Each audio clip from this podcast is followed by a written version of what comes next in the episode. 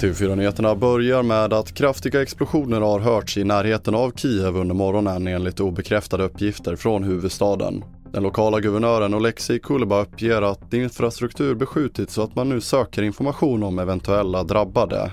Inga skadade eller döda har rapporterats.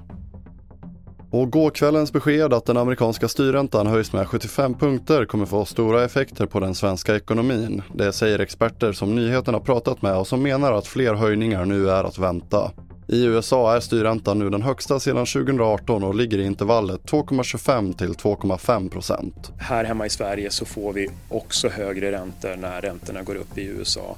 Många företag, banker och bolåneinstitut eh, de lånar eh, en del av sina pengar på den amerikanska eh, kapitalmarknaden.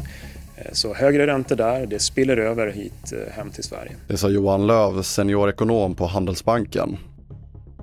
Och omkring 5% av alla som smittats med coronavirus hade fortfarande lukt och smakbortfall efter sex månader och fler kvinnor än män drabbas. Det visar en ny studie där forskare har sammanställt slutsatserna från 18 tidigare studier med totalt 3700 covid-patienter om hur smak och luktsinne påverkas av en infektion. Studien avslöjar inte vilken covid-variant patienterna som deltog hade. Däremot har annan forskning visat att nyare omikronvarianter mer sällan ger lukt och smakbortfall.